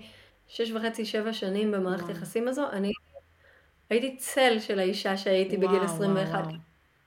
כאילו זה מוזר לי לשמוע, כי אני רואה אותך עכשיו, אז זה כאילו לא נתפס אה, אה, לאנשים, אולי אנשים מהעבר שלך גם שראו את השינוי, הם אומרים, איך, איך, איזה שינוי. תראי, אני, אה, אני הסתרתי את זה גם מאוד מאוד טוב, וזה אחד הדברים שקורים מאוד באלימות. אה, אף אחד לא ידע. זאת אומרת, גם החברים הכי הכי קרובים שלי, אמ, אפילו המשפחה שלי, כאילו, הם ידעו שכזה, שהקשר הזה הוא לא טוב, כאילו שמשהו שם לא בדיוק עובד, אבל הם לא ידעו כאילו עד כמה הקשר הוא אלים. כן. ועד כמה האלימות הזו פוגעת בי, ועד כמה אני ממש אמ, נמקה מבפנים, כן? ממש יש איזו נבילה כזאת של הנפש בתוך מערכות יחסים כאלה. זה, אבל אני מרגישה שאבל הם כן רואים עלייך, לפעמים כשאת באה לביקורים, אז הם כאילו כן לפעמים, אני חושבת, רואים אותך קצת שונה ושואלים מה קורה, אבל אף, לפעמים הם לא יודעים שזה בגלל הקשר, אולי you're just having an off day. נכון, נכון, זה לא תמיד קל לדעת, וכאילו, אני חושבת שזה מאוד חשוב, את יודעת, בתור אה, הסביבה של אולי, יכול להיות שיש פה מי שמקשיבה לפודקאסט ש, שהיא לא נמצאת בקשר אלים, ויש לה חברה או, או מישהי בחיים שלה שאולי היא חושדת שנמצאת בקשר אלים. אז אה, זה לא תמיד קל, כאילו, לאנשים שסביבנו לדבר איתנו על זה, אם אנחנו נכון. בעצמנו אלה שעוברות אלימות. אז כן, זה בעצם אישו אה, אה, שהתבקשתי לדבר עליו מכמה, משתי חברות כבר, שבעצם אני, זה אצלי לא היה, אבל אני יודעת בתור חברה שיש לה חברות שעוברות את זה, אני תמיד אדבר עם החברות, אני תמיד אשאל אותם, אני חושבת שגם אני הייתי באיזושהי סיטואציה שהיא על הספקטרום אולי פחות קיצונית, אז אני כאילו כן הייתי מדברת על זה, אבל כן יש לי חברות שעברו דברים ואני בעצמי לא ידעתי, וגם אחרי זה לא ידעתי איך לתמוך בהן. אז בעצם כשדיברתי איתן בהכנה לפרק, אז הם גם ציינו את זה כנושא, באמת, אם אני החברה שלי עוברת כזאת סיטואציה או ידיד, איך איך הבחורה שעוברת את המערכת יחסים הרעילה, איך היא הייתה רוצה שיתמכו בה? אוקיי, okay, אז um, קשה לי להגיד איך, uh, איך היא הייתה רוצה שיתמכו בה, כי אני חושבת שזה גם מאוד אישי, mm-hmm. אבל אני יכולה לתת כזה כמה כיוונים שנראה לי שיכולים לעזור. Um, אז קודם כל, אם יש לך חברה שאת רואה שהיא באמת uh, נובלת, כן? שמאז שהיא נכנסה לקשר, היא הרבה פחות מתראה עם כל החברים שלה, היא משהו שם ממש נובל, השמחת חיים שלה, האש הזאת היא הולכת וכביה, זה לא מילה, אבל כאילו הולכת ונכבדת. כן. אמ, ואת רואה אותה יותר ויותר כבויה, ו- וזה יכול להוביל לדברים כמו דיכאון, לחרדות, כאילו אפילו התאבדויות, באמת. כאילו, ממש, זה, ממש. זה כי מה שקורה זה שהקשר האלים הוא שואב ממך את כל האנרגיה שלך. פשוט שואב, שואב, שואב, ולא נותן שום דבר בחזרה, או מעט מאוד בחזרה. נותן רק מספיק כדי להשאיר אותך שם, ואז לוקח כפליים. אז אם, אם את רואה כזה חברה סביבך שנראה לך שאולי בקשר אלים, אז הייתי מציעה כאילו לבוא ולדבר איתה על זה ממקום אה, מאוד מאוד עדין. כי אחד הדברים שקורים, אה, אגב, יש השוואה כזה בספרות על מערכות יחסים אלימות, יש השוואה הרבה פעמים, זה כמו להיות בכת. אוקיי, כן. הרבה כן. פעמים, הרבה פעמים אנשים שהם כזה מנהיגי כתות, הם באמת עם הפרעת אישית נרקסיסטית, ויש שם הרבה מאוד קווים של האלימות הזאת, רק להרבה אנשים לעומת אחד על אחד. לגמרי אני מבינה את ההשוואה הזאת, ברור לי לגמרי, כן. ואז, אז כמו שאת אולי יודעת, וזה די ידוע שאם את תלכי למישהי שנמצאת עכשיו בכת ותגידי לה, היי, את בכת, כאילו תצאי משם, מה את עושה שם? זה לא שהיא פשוט תקום ו- ותלך, אה, נכון, אני באמת בכת וכדאי שאני אלך. כאילו, mm-hmm. לפעמים אולי זה יכול לעבוד ככה, אבל אני חושבת שבדרך אמ, כלל מה שקורה, זה שאם המנהיג של הכת קולט שיש איזה בן או בת משפחה שמתנגדים לו, אז הוא יפנה את, את מי שבתוך הכת נגד הבן או משפחה הזו או החברים mm-hmm. או החברות. מאוד חשוב שזה לא יהיה ישיר. זאת אומרת, ש, אז, שאם, אה, את יודעת, נגיד המשפחה שלי בתקופה שהייתי בתוך הקשר האלים, הם איכשהו הבינו את זה אינטואיטיבית, לא היה להם מושג איך לעזור לי, אבל הם הבינו שאם, ואחר כך דיברנו על זה, אני וההורים שלי, הרבה, והם אמרו, אנחנו ממש הבנו, שאם אנחנו נבוא ונגיד לך משהו עליו, אז הוא יסיט אותך נגדנו, ואתם תעזבו אתכם יותר ואת הנכדים יותר, והם ממש ידעו, הם ממש ידעו שזה יקרה, אה, אז הם אף פעם לא באו ואמרו, היי, כאילו, עליו ככה. אה, מצד שני, הם גם לא כל כך אמרו שום דבר, אז אני חושבת שיש באמצע. אז okay. אוקיי. זה לא או להגיד כלום, או, אה, או לבוא וזה, אלא לבוא וכאילו לשאול מלא שאלות. כאילו לגרום לאישה להתחיל להסתכל על זה אחרת.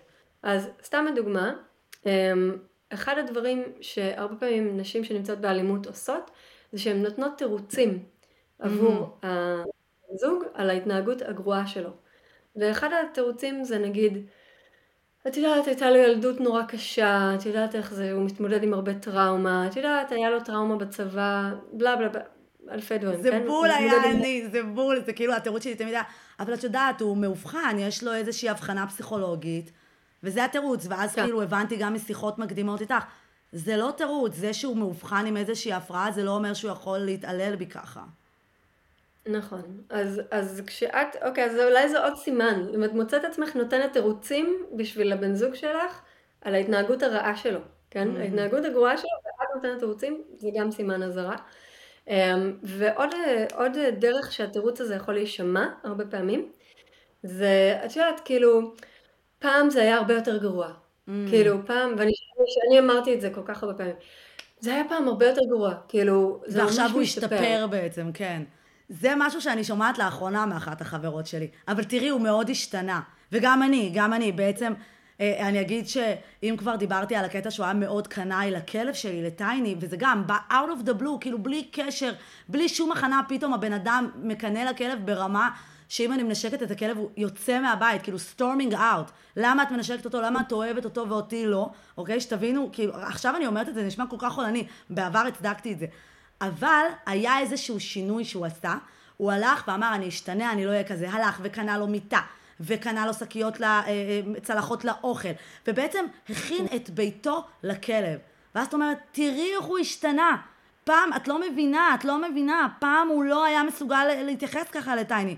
והיה באמת מכניס אותו למיטה, ופתאום את אומרת, רגע, הבן אדם פה שונה לחלוטין. אז, אז, אה, אז למשל אם מישהי אומרת משהו כזה, איזושהי חברה, אז אפשר לשקף לה את זה בעדינות. בוא, אז בואי נשאל אותך שאלה, כאילו נגיד שאני הייתי באיזה קשר שהבן זוג שלי היה מרביץ לי פעם בשבוע. והייתי אומרת לך, אבל את לא מבינה, פעם הוא היה עושה את זה כאילו כל יום, mm. והיום זה רק פעם בשבוע. איך זה נשמע לך? כאילו, איזה אנלוגיה מעולה. איזה אנלוגיה מעולה. אני... אני כאילו מפנה את זה במין שאלה כזאת, כאילו, שמשקפת לה כמה זה מגוחך בעצם מה שהיא אומרת, ש, שזה בסדר כי הוא, כי הוא השתפר. אז אוקיי, אז עכשיו יש לו התפרצות זעם רק פעם בחודש במקום כל יום, אז, אז זה בסדר, אז אני מוכנה להמשיך לחיות עם זה שאני יודעת שמתישהו במהלך החודש הזה יהיה פה התפרצות זעם ויהיה זה. כן, לא וגם לא. שהיא עונה כן. בעצמה, זה יותר גורם לה להפנים את זה, מאשר שאני אגיד לה, נכון. עכשיו, אחת המאזינות כתבה לי על איזה שאלה, היא אמרה לי, אף אחד לא מבינה אותי, ואני רוצה להתייעץ איתך, ואמרתי לה, טוב, תקשיבי, אני לא פסיכולוגית, ואז היא אמרה לי, היא שאלה אותי שאלה, ואמרתי לה, תקשיבי, אני לא יודעת מה פרטי המקרה. אני אגיד לך ככה, אם היית חברה הכי טובה, וזה היה המקרה שלה, מה היית אומרת לה? אז זה גם על אותו כיוון של כאילו, ובעצם מה את אומרת לעצמך, תעני לעצמך, תהיי אמיתית. בדיוק, זאת אומרת, בזה שאנחנו שואלות שאלות, וכזה משקפות דרך השאלה שלנו את, ה, את המצב שלה בעצם. Mm-hmm. אז זה עוזר לה למצוא את התשובות בתוך עצמה, זו דרך אחת. אה, דבר שני זה לעולם לא לשפוט אותה על זה. כאילו, אה, יש את הקטע הזה של אה, למה את חוזרת אליו, איך את יכולה לחזור אליו אחרי כל מה שהוא עשה לך, וזה וזה, וזה מאוד מאוד חשוב להבין שיש פה סוג של התמכרות ממש פיזית mm-hmm. של האישה שנמצאת באלימות לתוקף שלה. Mm-hmm. זה נשמע משוגע לגמרי, אבל זה ממש, כשאת נמצאת בתוך סיטואציה כזאת, תחשבו על כל הדברים שתיארנו עד עכשיו בפרק הזה, כאילו ההשפלות והביקורת והגס ליידינג, שכל הזמן הערעור של המציאות שלך, התלות הזאת שאת נהיית תלויה בו בגלל שהוא שולט אולי בכספים או בילדים או בדברים אחרים, כן? כל הדברים האלה, תשימי את כל הדברים האלה ביחד, וזה יוצר מצב שאת לאט לאט בתוך הקשר הזה ממש נעלמת ונעלמת mm-hmm. בעין ובאלף, אוקיי? כן, ואז כן, כן. הוא כאילו הופך להיות מצד אחד גם התוקף שלך וגם המושיע, mm-hmm. אוקיי? זאת אומרת, אה, והדבר הזה אפשר לחפש את זה אחר כך בגוגל ולקרוא על זה. הדינמיקה הזאת זה נקרא trauma bonding. Mm-hmm. אז uh, כאילו, bonding שכחתי איך להגיד בעברית, אבל כאילו היקשרות, כן. כן, היקשרות מהטראומה. טראומה, היקשרות דרך טראומה, trauma bonding. וכאילו, אמ, זה מין מצב שבעצם הוא יוצר טראומה, אוקיי? הוא מתפרץ אלייך, זוהם, כל הדברים האלה. ואז הוא גם זה שמרגיע אותך. זאת אומרת, את כן. נכנסת לחרדות סרטים, וואטאבר, ממה שקרה. ואז הוא זה שבא, מתנצל, מחבק, אוהב, עוטף. אוי, זה מזעזע. הוא בעצם התרופה, הוא הופך את עצמו לתרופה לטראומה שהוא יצר. זה, זה, זה ממש מזעזע, אבל זה מאוד אפקטיבי. זה מאוד אפקטיבי כי זה הופך להיות שכאילו הדרך היחידה שאת יכולה להירגע כשאת במצב של חרדה וסטרס, זה אם הוא יבוא ויגיד שהכל בסדר. ואז אני אומרת באמת, במצב הזה, מה זה יעזור אם אני החברה לשפוט אותה? מה זה יעזור להפנות אליה שאלות כאלה של למה את נשארת איתו, או אל תדברי איתי אם את ממשיכה כאילו להתלונן עליו, אבל את עדיין נשארת איתו, אני לא אהיה שם כדי לתמוך בך. זה לא יעזור, זה לא היא תגיד, אה, אוקיי, אם רעות אמרה את זה, אז עכשיו אני יוצאת מזה. לא. נכון, ממש לא. אז כאילו תחסכו את הביקורת, כי זה הדבר האחרון שאישה שנמצאת באלימות צריכה, זה ביקורת, בגלל שהיא נמצאת בכאב מאוד מאוד מאוד עמוק, ובהתמכרות מאוד מאוד קשה. זאת אומרת, אם נשווה את זה לסמים, אז זה שאת תבוא ותגידי, מה זה, איך את עושה סמים, זה גם לא יוציא את, ה, את המכור מהסמים, כן? Mm-hmm, כאילו לעשות לו ריק. אז שמצד שני, אם האישה שנמצאת תחת אלימות יודעת שהיא תמיד יכולה לפנות אלייך, שהיא תמיד יכולה לבוא אלייך הביתה ולישון אצלך בסלון. אני עשיתי את זה עם התינוקת שלי, היו לילות שאני ברחתי מהבית, יצאתי וישנתי אצל חברה. ולא יכלתי להיות איתה בבית. ועדיין למחרת חזרתי, כן? זה ככה הייתה הדינמיקה, הרבה הרבה הרבה כן. שנים. אמ, אבל ידעתי שאני יכולה לנחות אצל החברה בסלון, והיא לא תשפוט אותי. והיא תקשיב לי והיא תהיה שם איתי. אה, ומצד אז... שני, גם לא היה לה את הכלים שדיברנו עליהם של לשאול את השאלות שמעוררות חשיבה ביקורתית, לשאול כאילו, אתה יודע, לשאול שאלות ש, שיגרמו לה להתבונן על עצמה, ואפילו, ו, ולהיות בסדר עם זה שזה תהליך. כן, זה לא כן. לא, לא בהכרח כאילו, לא בהכרח את תשאלי איזה שאלה אחת ואז היא תהיה כזה, אה, כאילו, ראיתי את האור, עכשיו אני יוצאת. כן, אל תחשבו שעכשיו זה פתרון מהיר. אני גם אגיד מהנקודת מבט של החברה, אני יודעת כמה זה קשה. אני יודעת כמה זה מרוקן אנרגיות, אוקיי? אני עברתי מצבים שבהם חברה הולכת וחוזרת במהלך של יותר משנה לאותו בן אדם מתעלל. אני יודעת שזה לוקח מבחינת אנרגיות, אני יודעת שלפעמים אתן צריכות הפסקה. אני לא מזלזלת לרגע ואומרת זה קל, אבל באמת תנסו להיות, אפילו אם לפעמים צריך הפסקה מ- מלעזור לך בעצם, אבל כן לדעת, תקשיבי, היום קצת קשה לי להכיל אותך, אבל הדלת שלי תמיד תהיה פתוחה. כדי שחס וחלילה היא לא תנתק את עצמה ממנו, מאיתנו. נכון, לגמרי. כי אחד הדברים שקורים בזוגיות האלימה הרבה פעמים, זה שהצד האלים בעצם מנתק אותך לאט לאט מכל מי שאת אוהבת. כן, מהמשפחה, מהחברים, אנשים שסביבך. אמ, וזה שוב, זה לא קורה בצורה ישירה. כאילו, האקס שלי בחיים לא היה אומר כזה, מה, את צריכה להפסיק לראות את ההורים שלך, הם mm. רעים, כאילו זה הכל היה לא ישיר, זה הכל היה במניפולציות, זה הכל היה וכזה... כן, זה לא, זה לא החמות המרוקאית, זה לא האימא המרוקאית שלך שאומרת לך, הוא לא שווה כלום, תעזבי אותו, או אומרת לבן שלה, אני רציתי משהו יותר טוב בשבילך, אין את הישירות הזאת. לא, זה ממש לא ככה, ובגלל זה זה כל כך מבלבל, זה הגס ליידינג נכון. הזה. כאילו, כי הוא יכול לבוא ולהגיד לך, אה, וואי, מלא זמן לא ראית את החברה הזאת, מתי אתם אה, רואות אחת את השנייה? יאללה, לכי לראות אותה, כאילו לעודד אותך לראות אותה. Mm. אז ביום אחר, שבוע אחר, יואו, שמת לב שכאילו, אף פעם היא לא מתקשרת אלייך? את תמיד זאת שמתקשרת. שמת לב לזה? כאילו, לא נראה לי שבאמת אכפת לה. כזה, למה את זאת שתמיד מתקשרת? תעשי, תעשי ניסוי, אל תתקשרי אליה עכשיו שבועיים, תראי מה יקרה, בכלל לא, לא תשים לב. כן? כאילו, לטפטף לך רע מאוד מתוחכם, ותחטף לך רעל על כל האנשים שאת אוהבת, על כל אחד מהם היה לאקס שלי מה להגיד, בטפטופים, mm-hmm.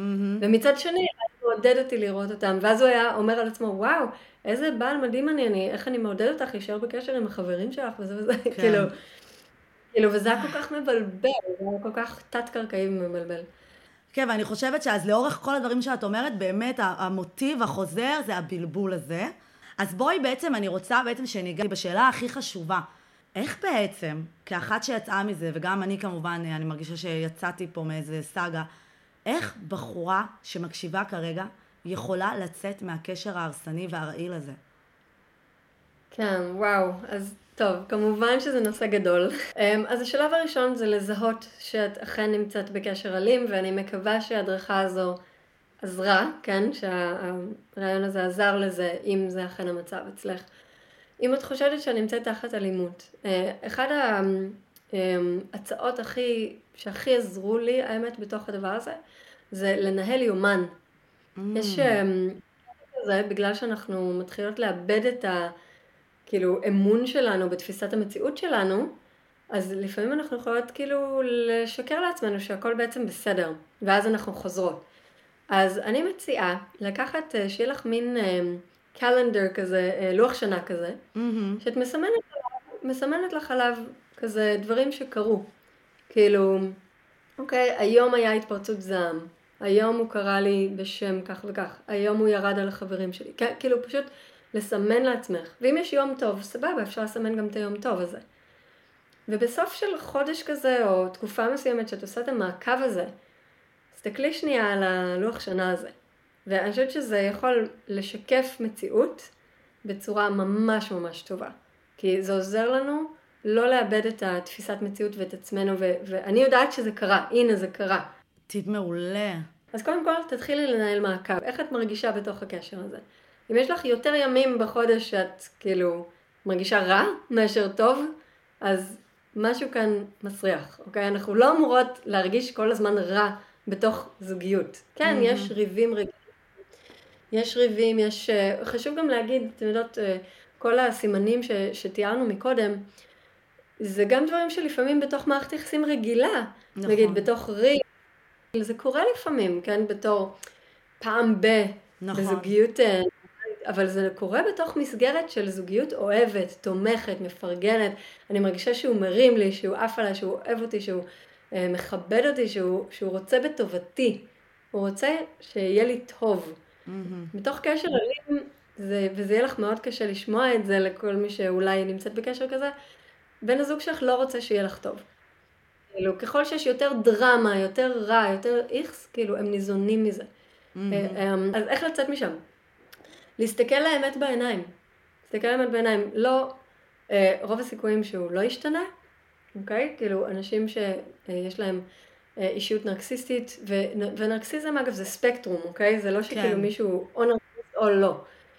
אמ, אנשים נרקסיסטים הרבה פעמים אנשים שהם פשוט מאוד מאוד מאוד לא אוהבים את עצמם, כן? יש איזה מין אה, מיתוס כזה של כאילו נרקסיסט זה מישהו שנורא אוהב את עצמו, לא. זה אנשים שפשוט ממש שונאים את עצמם כל כך, וואי, שהם צריכים לאמלל אנשים אחרים בשביל שיהיה טעם לחיים שלהם. זה ממש ככה.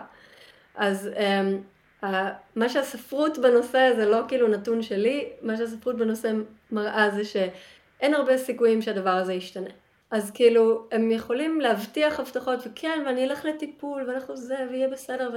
ואני אלך לטיפול זוגי, ונעשה ככה, וכל ההבטחות האלה גורמות לך להישאר עם מין תקווה שהדברים יכולים להיות אחרת, וזה משאיר אותך שם בעצם. שהמציאות היא שלרוב המצב הזה לא באמת משתנה, זאת אומרת, כדי שהוא יגיע למצב שהוא באמת יכול להיות מישהו שבטוח עבורך לחיות איתו, הוא צריך להקדיש את עצמו לשינוי הזה. זאת אומרת, mm. ממש ללכת לטיפולים, ללכת לסדנאות, ללכת, כאילו באמת, לקחת את הריפוי של עצמו בתור priority number one, כאילו הסדר עדיפויות מספר אחד בחיים שלו. כן, כן, כן. הסטטיסטיקה, בוא נגיד, מראה שרוב האנשים עם אה, אישיות נרקסיסטית לא באמת משתנים, לא באמת רוצים שינוי, אוקיי? Mm-hmm. Okay? לא כל מי שאלים אגב בקשר יש לו הפרעת אישיות נרקסיסטית, זה פשוט הכי, זה הכי נפוץ אפשר להגיד. זה okay? הכי קלאסי. אמ, זה הכי קלאסי, כן. אבל אז, אז אני פשוט רוצה להגיד שלפעמים התקווה הזו שזה ישתנה, והתקווה שטיפול זוגי ישנה את זה, אמ, זה משהו שמשאיר אותנו שם הרבה יותר מדי זמן, אני נשארתי mm-hmm. הרבה יותר מדי זמן. ואז אה, חשוב לי רק לציין שכאילו הטיפול זוגי עם נרקסיסט זה, זה בזבוז זמן, אוקיי? ממש, כאילו זה ממש בזבוז זמן. כי אנשים רגילים, בוא נגיד ככה, מגיעים לטיפול זוגי כדי לפתור בעיות, כדי למצוא. פתרונות, להתפשר, כדי אה, לשמוע, להקשיב, להבין אחד את השני. אה, אה, כשיש לך בן אדם עם הפרעת אישיות ובן אדם השני לא, אמ, בעצם הנרקסיס יישב שם וכל מה שהוא יעשה זה להשתמש במטפל או במטפלת בתור עוד כלי נשק נגדך. Mm-hmm. זה כל מה שזה דרך כלל, זה בהכללה, כן, אבל זה מה שהיה, אנחנו היינו בשני טיפולים זוגיים וזה, הכל היה רק ניסיון להפוך את המטפל והמטפלת לעוד כלי נשק נגדי ולהראות כן. כמה שאני לא בסדר. וזה היה כל המטרה בטיפול. אני בכלל אגיד שאני גם הרגשתי שהמטפלת הייתה מה זה נגדי ברמה אחרת שהיא הייתה אומרת לו אולי גם היא צריכה לעבוד על איזה משהו והוא היה אומר לה לא, זה דווקא לא מפריע לי. שתביני, אני באמת הייתי בטיפול עם מישהי שאני אומרת איך את עוד יותר גורמת לי לפקפק בעצמי כשאת יודעת שיש פה בן אדם שמאובחן על כדורים פסיכיאטריים ובמקום להיות לצידי, לא בקטע של תגידי היא צודקת, היא צודקת, במקום להבין שאני מתמודדת פה עם משהו שהוא חסר, לא חסר תקדים, אבל הוא משהו שהוא מזעזע, להתמודד עם מישהו שהוא באמת מאובחן עם הדברים האלה. זה לא משהו שהוא קל. במקום זה את מוסיפה לו עוד טענות כלפיי? אה, אני חושבת שהרבה מאוד מטפלים, מטפלות, אה, לא רק מטפלים זוגיים, אלא גם מטפלות אישיות, אה, לא יודעות לזהות את הסימנים של מי שנמצאת בזוגיות אלימה. כי אני הייתי בכמה טיפולים בתקופה שהייתי איתו, ואף אחד מהמטפלים, מטפלות במקרה שלי שעבדנו איתן, לא אמר לי, היי, תשמעי, אני בהלם. זה משהו, משהו פה מסריח, זה נשמע כמו אלימות. זה הזוי לי, זה הזוי לי, איך, חברה תגיד לך את זה, ו... כן. וזה מטפלות שהן היו טובות, זה לא כאילו, את יודעת, אני לא באה ללכלך עליהן באופן אישי. כן. אה, לא, אני כן באה לא. ללכלך עליה באופן אישי. ואני אפילו אגיד לך עוד משהו, שעוד איזה סימן קטן שהיה לי, אני הגעתי למצב שבגלל שזה היה up and down, והבלבול הזה, בטיפול הפסיכולוגי, זה היה בדיוק בשיא של אה, הסיפורים על אה, שירה איסקוף, שעברה, כמעט נרצחה על ידי בעלה, ואני באתי לפסיכולוגית, ובטיפול זוגי הוא לידי על הספה, ואני שואלת אותה, אני רוצה שאת תגידי לי אם הוא יכול להגיע למצב של אלימות. כאילו שתביני כמה, כמה תודעה כבר הייתה לי, באמת כנראה הייתי בתהליך הזה של כבר היציאה, ואמרתי, אני מרגישה שיש פה איזושהי התעללות, ואולי זה יגיע לאלימות, ובכלל אם את שואלת את עצמך שאלה כזאת, את אומרת לעצמך ב hindsight, למה את בכלל עם בן אדם שיש לך אפילו חשש שהוא יוכל להיות אלים? וזה לא שהוא היה אלים אי פעם, הוא היה מאוד, הוא היה נפש עדינה, אוקיי? הוא לא היה מרים עליי את הטונים בכלל. אבל בגלל ה-ups and down אמרתי בן אדם שיכול מלחייך ולאהוב אותי פתאום להיות במצב לא של זעם אבל של העיניים שלו התרוקנו והוא היה נראה כמו כזה אימא'לה זה היה מפחיד פשוט בן אדם אחר אמרתי לכי תדעי יום אחד הוא יתעצבן את לא מכירה את הבן אדם והוא גם ירים עלייך יד את מבינה? ואז גם, אני אגיד לך יותר מזה, לא פחדתי מזה שהוא ירים עליי יד, כמו שפחדתי מהתגובה של אם הוא ירים על היד, וואי וואי, מה אני אעשה לו? ופה יוצאת המרוקאית שלי. חשוב להבין שלפעמים הם לא מזהות את הסימנים. יש לי מאמר שכתבתי באתר, שהוא כולו על איך לזהות מטופלת שנמצאת בזוגיות אלימה, בשביל מטפלים. וואו. זה פשוט חירפן אותי, שכאילו, איך זה יכול להיות? שאני יושבת שם מול מישהי, ובמיוחד אם את הולכת, נגיד, ל... בימינו יש יותר דברים רוחניים כאלה, אז הרבה, הרבה פעמים אנשים מעולמות הטיפול או הרוח, יכולים להגיד לך משהו כמו, אוקיי, את צריכה לראות איך הוא שיקוף שלך, איך הוא שיקוף כן. של האלימות ש... כן? כאילו, אז את צריכה להתבונן בתוך המקום הזה, בתוכך ש... או שיש לך איזה דפוס, או שיש לך איזה טראומת ילדות, כמו שאמרת בהתחלה, ואז בגלל זה, וזה בכלל את, את, את. כן, אז כאילו בעצם הטיפול יכול להוסיף לך לגס ליינינג, כאילו, כן, להוסיף למקום נכון. הזה. תתחילי להיות ב... וואי, אולי זה באמת רק בעצם שיקוף שלי. ודה דה דה. עכשיו, זה לא להגיד שאין פה אה, משהו אצלנו שגם צריך להסתכל עליו, בסדר? ברור. יש. יש. כל אישה שנמצאת בקשר אלים, יש לה איזשהו משהו אה, לעשות עם עצמה, בסדר? עם mm-hmm. זה, ואנחנו נדבר עכשיו. אה, יש לנו, אבל בין זה לבין אה, לבוא וכאילו לנסות לסלוח לו בגלל שהוא רק שיקוף שלי, בלה בלה בלה, זה ממש מה שנקרא מעקפים רוחניים, אוקיי? זה כאילו mm-hmm. לקחת רעיון רוחני ולהשתמש בו כדי לא להתמודד עם המציאות. הבנתי. וזה מסוכן, מאוד מאוד מסוכן, וזה דברים שקורים בימינו יותר ויותר עם כל מיני טיפולים רוחניים למיניהם. אבל אני חושבת שההוכחה הכי חזקה זה שהיום את נמצאת uh, במערכת uh, יחסים uh, בריאה. בעצם אז הגיע הרגע שיצאת מהמערכת היחסים הרעילה ונפרדת ממנו אחרי שש וחצי שנים אמרת? כן. Um, אז היינו ביחד סך הכל משהו כמו שש וחצי או שבע שנים, והבנתי את האלימות אחרי שלוש וחצי שנים נגיד, אז עוד שלוש שנים אחרי. זאת אומרת, מהרגע שהבנתי שאלימות, עוד שלוש שנים. אז, אז בעצם, איך בעצם יוצאים מזה? איך עושים את היציאה הזאת בסופו של יום?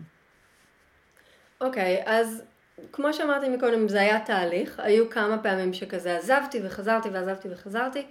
בסופו של דבר, שהגיעה אה, ההחלטה הסופית של כזה, אוקיי, די, אני לא יכולה יותר ונפרדנו. אה, אז בוא נגיד שהיה שם בשבילי איזשהו רגע של כזה להגיע לתחתית. זאת אומרת, וזה מה שאני הייתי צריכה לעבור. אני הייתי צריכה להגיע לתחתית כדי להבין ש, שזה די. אמ, והייתי אומרת שאחרי הפרידה זה עוד המשיך, כאילו האלימות עוד המשיכה והתלות הזאת עוד המשיכה, כי אני הייתי עדיין תלויה בו כלכלית, גם אחרי. שנפרדנו, והייתי עם שני ילדים קטנטנים. הקטן שלי היה בן חצי שנה כשנפרדנו. וואו, וואו, וואו. אז... וזה היה תהליך כזה של בעצם אה, ההפרדה ממנו, היא התחילה רק, כאילו זה רק התחיל בזה של לגור בבתים נפרדים. Mm. אבל אז התחיל התהליך האמיתי, אוקיי? התהליך האמיתי של להיפרד מהקול הפנימי שהוא יצר בתוכי. Mm. מה הכוונה? Uh, בגלל שהייתי כל כך תלויה בו, ובמהלך הקשר שלנו זה היה כל כך uh, סימביוזה לא בריאה כזאתי, כשנפרדנו אני לא יכולתי לקבל שום החלטה בלי שהוא יאשר לי שזו ההחלטה הנכונה. הייתי וואו. כל כך מרוחקת מעצמי, והייתי כל כך כבויה, כאילו האנרגיית חיים שלי הייתה בקרשים. אז התהליך של ההחלמה וההיפרדות האמיתית בעצם התחילה שהתחלתי למצוא את הקול שלי בחזרה. וואו. מה אני רוצה, מה אני צריכה, מה נכון עבורי, ו- ולנתק אותו, כאילו כמו לפטר אותו מהתפקיד של זה שצריך לאשר שזה נכון, לאשר את המציאות שלי. Mm-hmm. ואגב, נפגעי כתות גם מדברים על זה, על המקום של כאילו לשמוע עדיין את הקול של ה...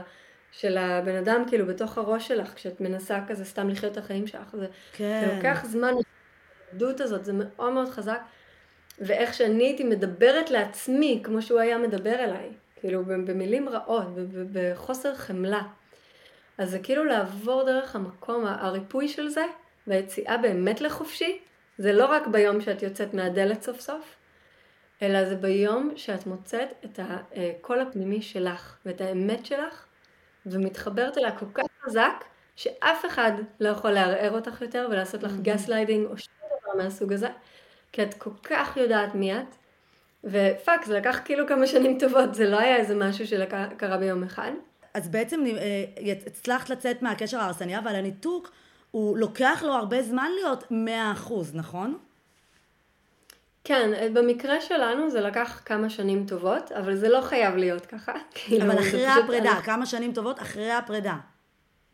אחרי הפרידה, זאת אומרת נפרדנו, ועוד היה שם איזה ניסיון לחזור, ועוד היה שם איזה משהו, אמ, ואנחנו כל הזמן נשארנו בקשר סימביוטי ולא בריא. הוא היה מתקשר אליי כזה עשר פעמים ביום, הוא היה כאילו כל הזמן יודע איפה אני נמצאת, עם מי אני נמצאת, אפילו שאנחנו כבר לא ביחד.